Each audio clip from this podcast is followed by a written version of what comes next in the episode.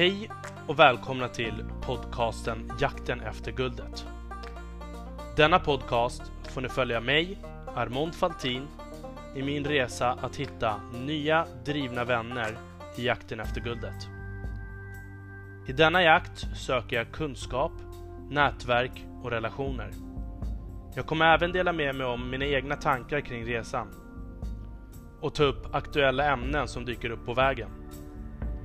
Häng med! Ingenting är omöjligt.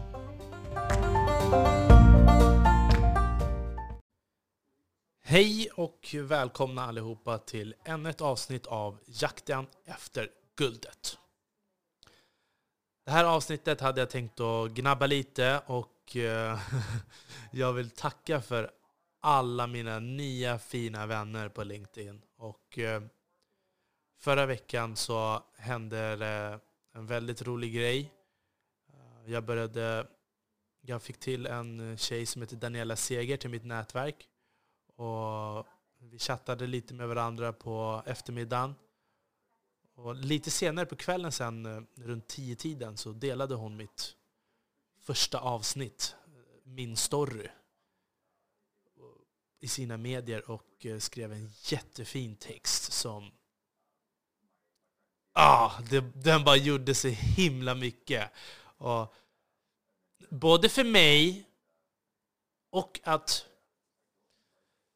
Ja, det, det, gick, det gick bara några minuter och folk började skriva direkt i hennes kommentarfält. Och sen började vi skriva lite och vi la till varandra och sen började vi chatta med varandra eh, på messengers. Och det var bara en sån himla skön stämning. Så upplyftande, härlig stämning. Öppna människor. Med positivitet och...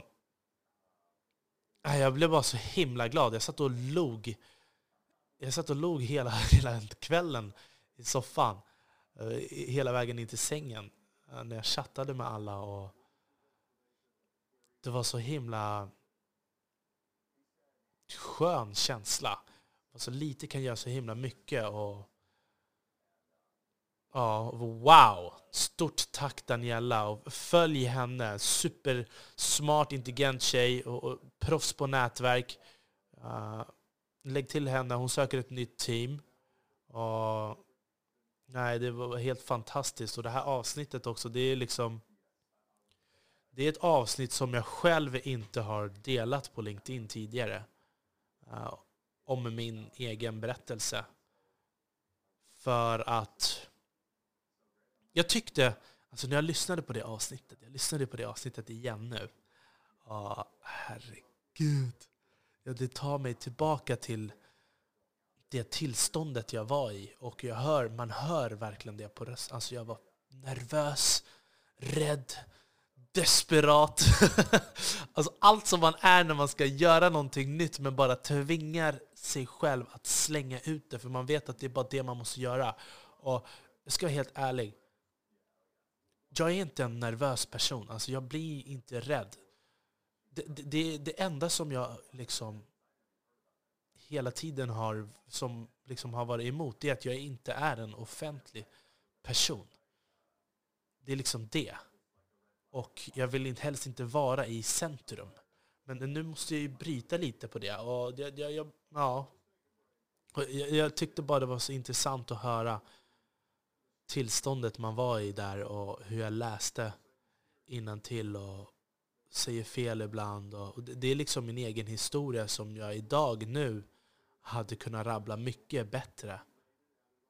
Och berätta på med mer inlevelse. Och kanske att jag hade pratat lite för snabbt dock. Men eh, det var jättefint i alla fall, så jag delade det avsnittet eh, nu för första gången på LinkedIn. Även om jag bara hade gjort det på Instagram och Facebook tidigare. För LinkedIn, det här var mina fina vänner. Vad duktiga. Vad helskotta Armond, din tönt. Tönt! Uff, ja. Så det var jätte, jätte uppfriskande och peppande. Stort tack Daniela. Och sen vill jag be om ursäkt också för alla felsägningar i namn och sånt där som jag uh, har sagt i avsnittet Kvinnliga bossar som för övrigt var ett väldigt, väldigt... Hur ska jag säga? Det var nog förmodligen det mest lyssnade avsnittet på så kort tid. Ja, och jag tror att titeln i sig är, den säljande, är det säljande konceptet. Uh, och, och, Det jag hade sagt fel där i alla fall, det var lite på lite namn och på lite saker. Jag tror att det var på Startup Stories och Camilla där. Eh, och jag trodde att de hade grundat Business Challenge, men jag trodde bara att det är något samarbete eller någonting där emellan. Och eh, inte att de har grundat det. Och Det visste jag också när jag sa det, men jag kan berätta lite om, om det sen också. Och sen så var det Christian Lumbana Campasa, Campasa tror jag. Ah, där hade jag också sagt fel sagt Christian Campasa eller någonting. Lumpasa. Någonting hade jag mixat ihop hans dubbla efternamn. Och det är så här, jag, jag kommer på mig själv när jag säger fel. Men vad jag lärde mig när jag studerade media på gymnasiet var att när du gör en felsägning, när någon tror att de ser en felsägning i en tv-reklam eller vad som helst, då sätter det sig på den personens hjärna och då tror de att de är smarta. De har hittat ett fel i reklamen. De måste berätta det här för någon annan. De kanske till och med måste berätta det för den som gett ut reklamen.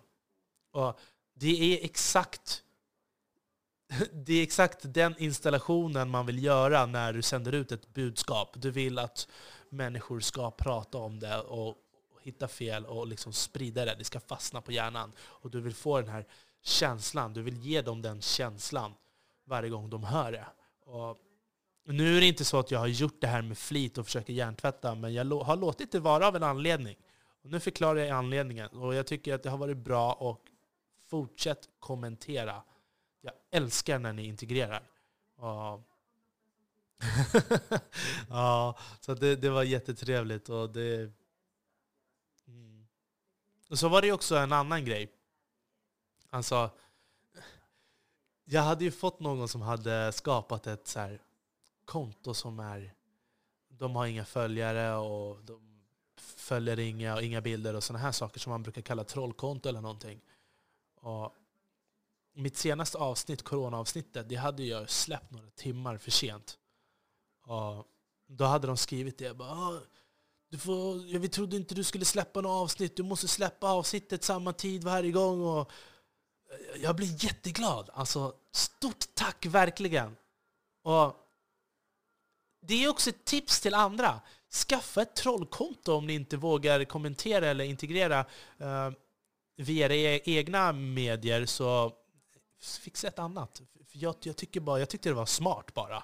Och tack att jag fick in, in den informationen. Och jag, jag, vet själv, för att statistiken har ökat så pass mycket nu eh, på senare tid på mina mina lyssnare, mina morgonlyssnare och eh, de vill man absolut inte svika. Och när jag spelade in coronaavsnittet, det var ju så att jag, som jag sa innan i det avsnittet också, att jag hade spelat in fem, sex avsnitt innan som handlar om någonting helt annat. Men man, man, känner en sån press när man har så många som man vet lyssnar på en direkt på morgonen.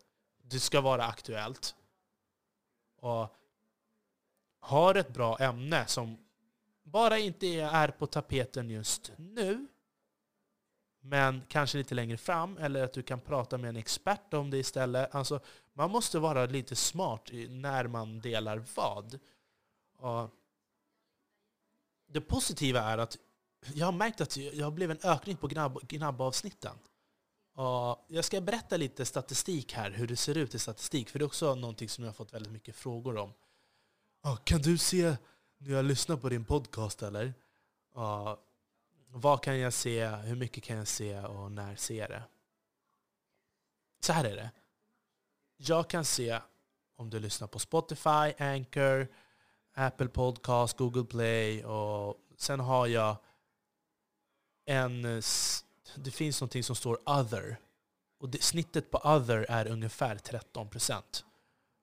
Och så brukar man se färgen på allting. Så att jag tror att den här other är Acast för att jag finns på Acast, men jag fattar inte varför det inte står bara. Jag är hundra på det. Uh, och sen så kan jag se om du lyssnar i Stockholm, Göteborg, Dalarna, Malmö. Sen har jag lite utlandslyssnare i Thailand, Singapore, Spanien, Tyskland och sådär.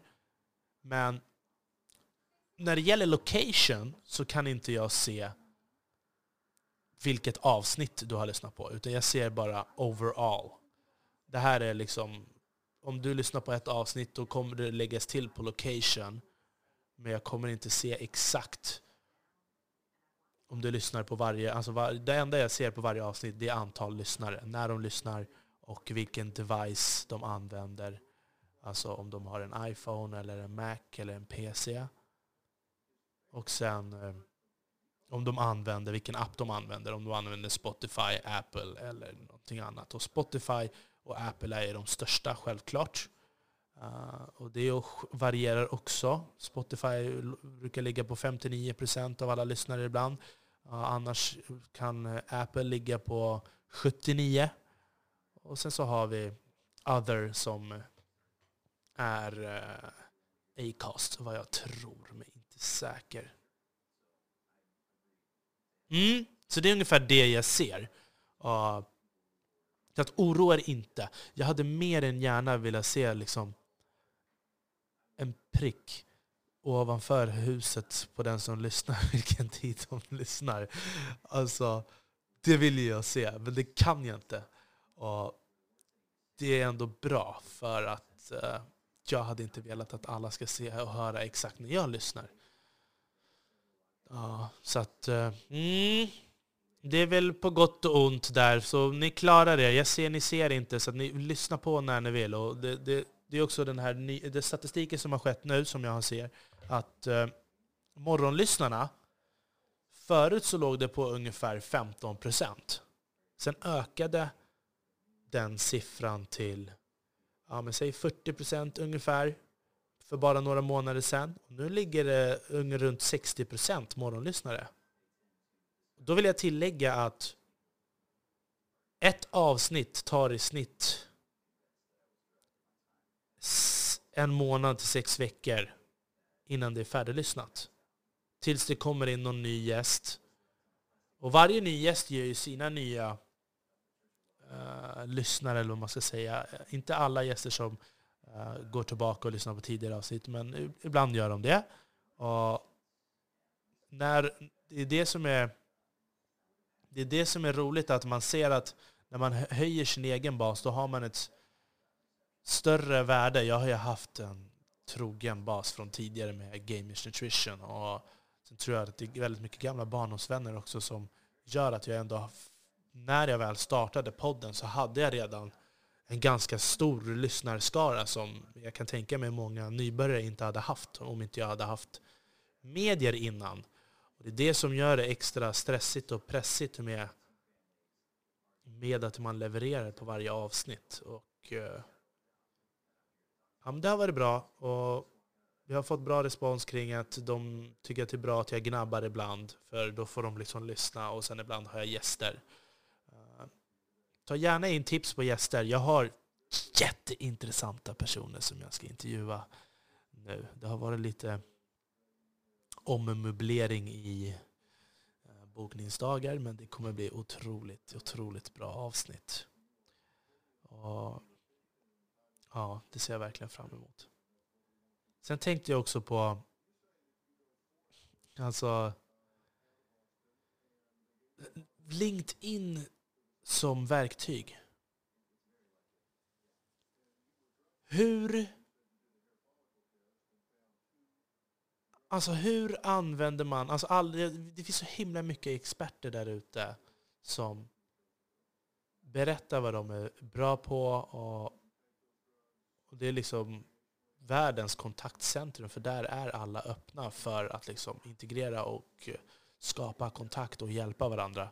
Men när man, har, alltså när man har en kunskap som jag tycker att mitt CV är inte rättvist till min kunskap. Alltså mitt CV är liksom en fjärt i rymden. Det kan inte, det kan inte visa någonting om vad jag kan. vad gör man då? Jag kan heller inte... Ja, det, det, det är väldigt svårt att... Ja, jag vet inte. Äh! Sak samma. Ja, just ja! Tillbaka till... Nej, men nu vet inte jag om jag har pratat om det. Det här är också problemet när man inte liksom punktar upp vad det är man ska prata om. Jag har ju punktat upp, men sen när man skenar iväg så vet man inte om man redan har nämnt det. Men eh, det har jag nog gjort. Så hur som haver. Nu måste jag börja filma. Jag måste börja filma, så är det bara. Och, och det var det eh, en jättehärlig tjej som heter Jenny Axel, som jag verkar vara, vara vän med, Daniela Seger också.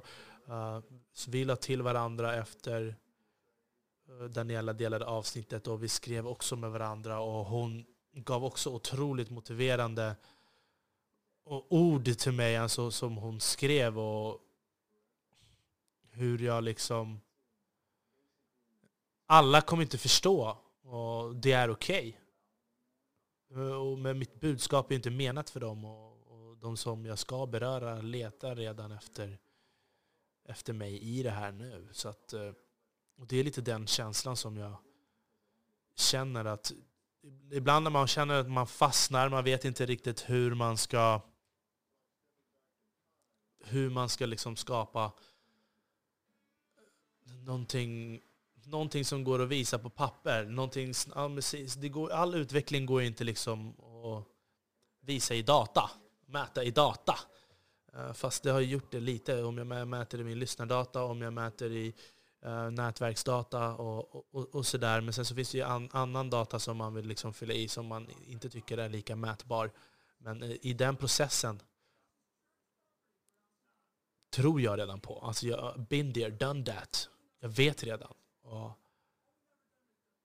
men det är bra när man får den här peppen ibland. Och eh, jag gick in på Jennys, på hennes eh, sida på LinkedIn, Jenny Axel. Och hon har lagt upp jättebra, inspirerande videos. Jag lyssnade på dem idag faktiskt. Och där förklarar hon i videon varför man också bara ska göra det man gör. Varför man bara ska lägga upp. Och jag tänker inte gå in mer på det för att ni ska gå in på henne och kika själva.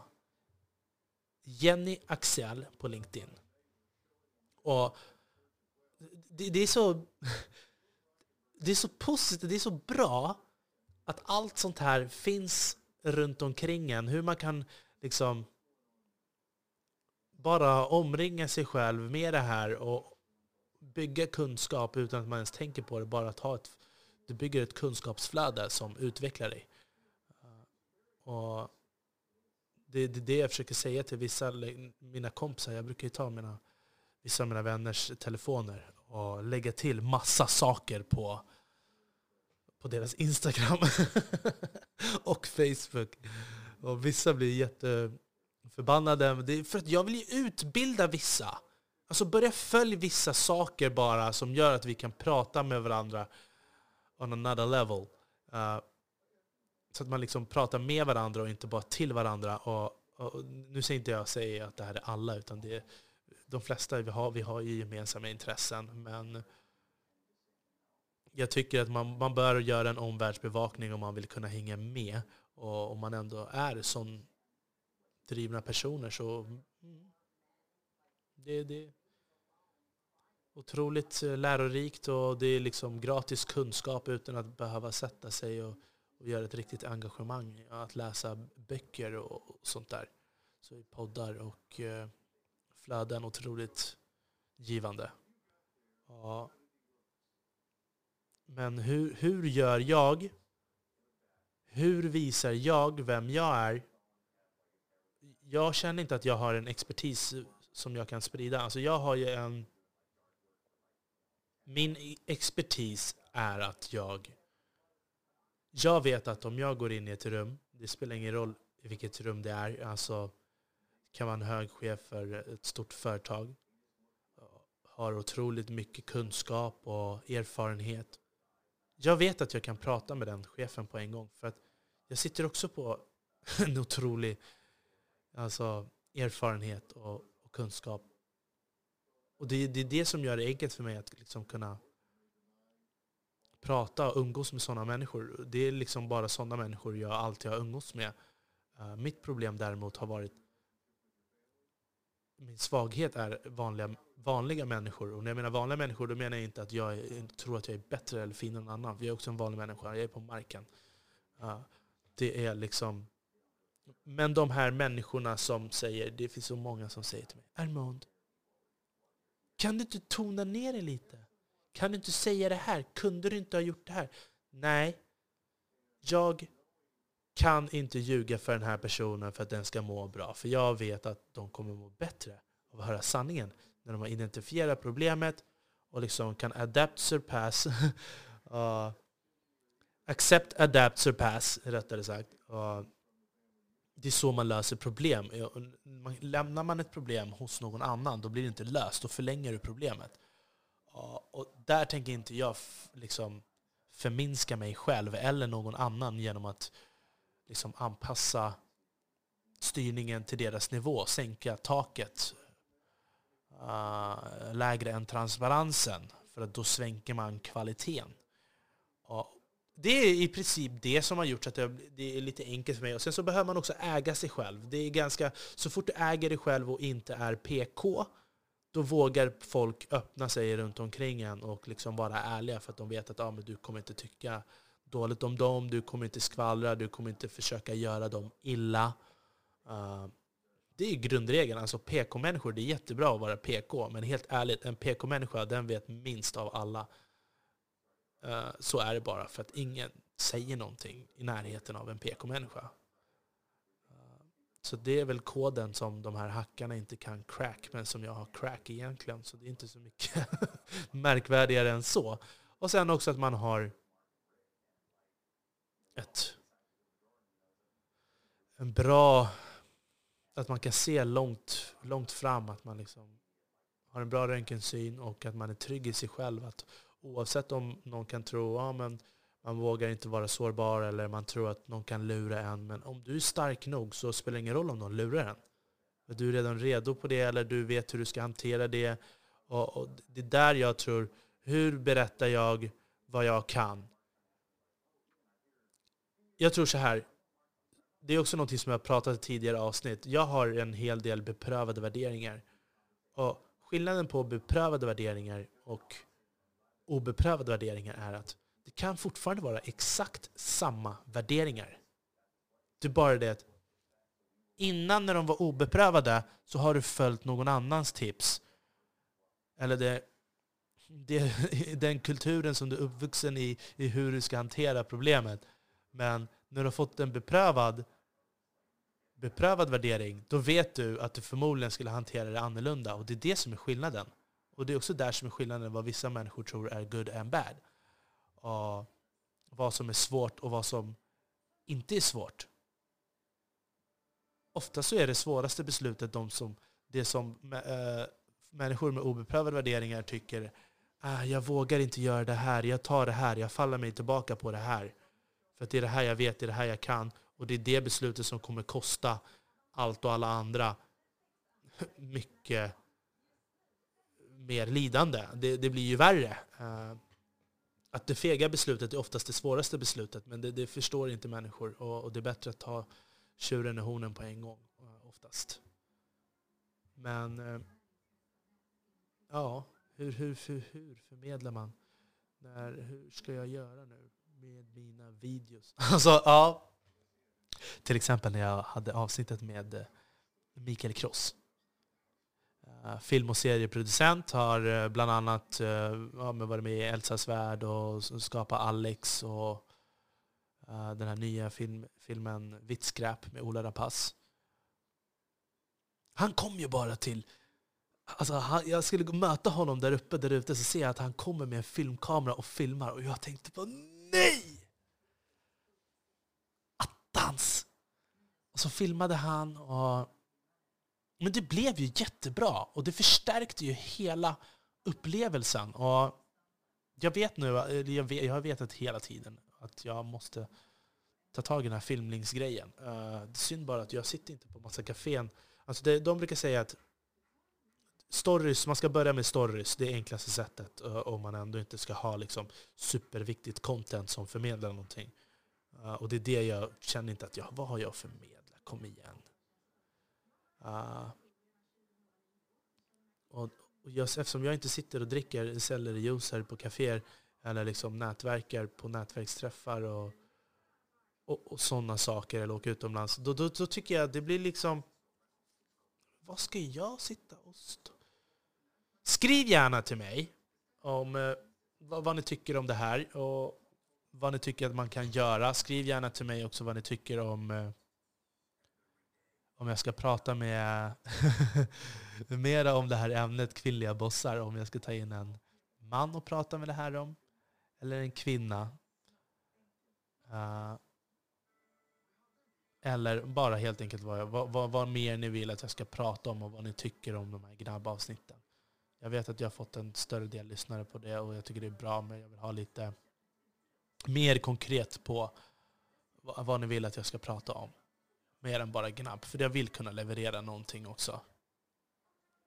Och så länge, då är nog det här allt för detta avsnitt.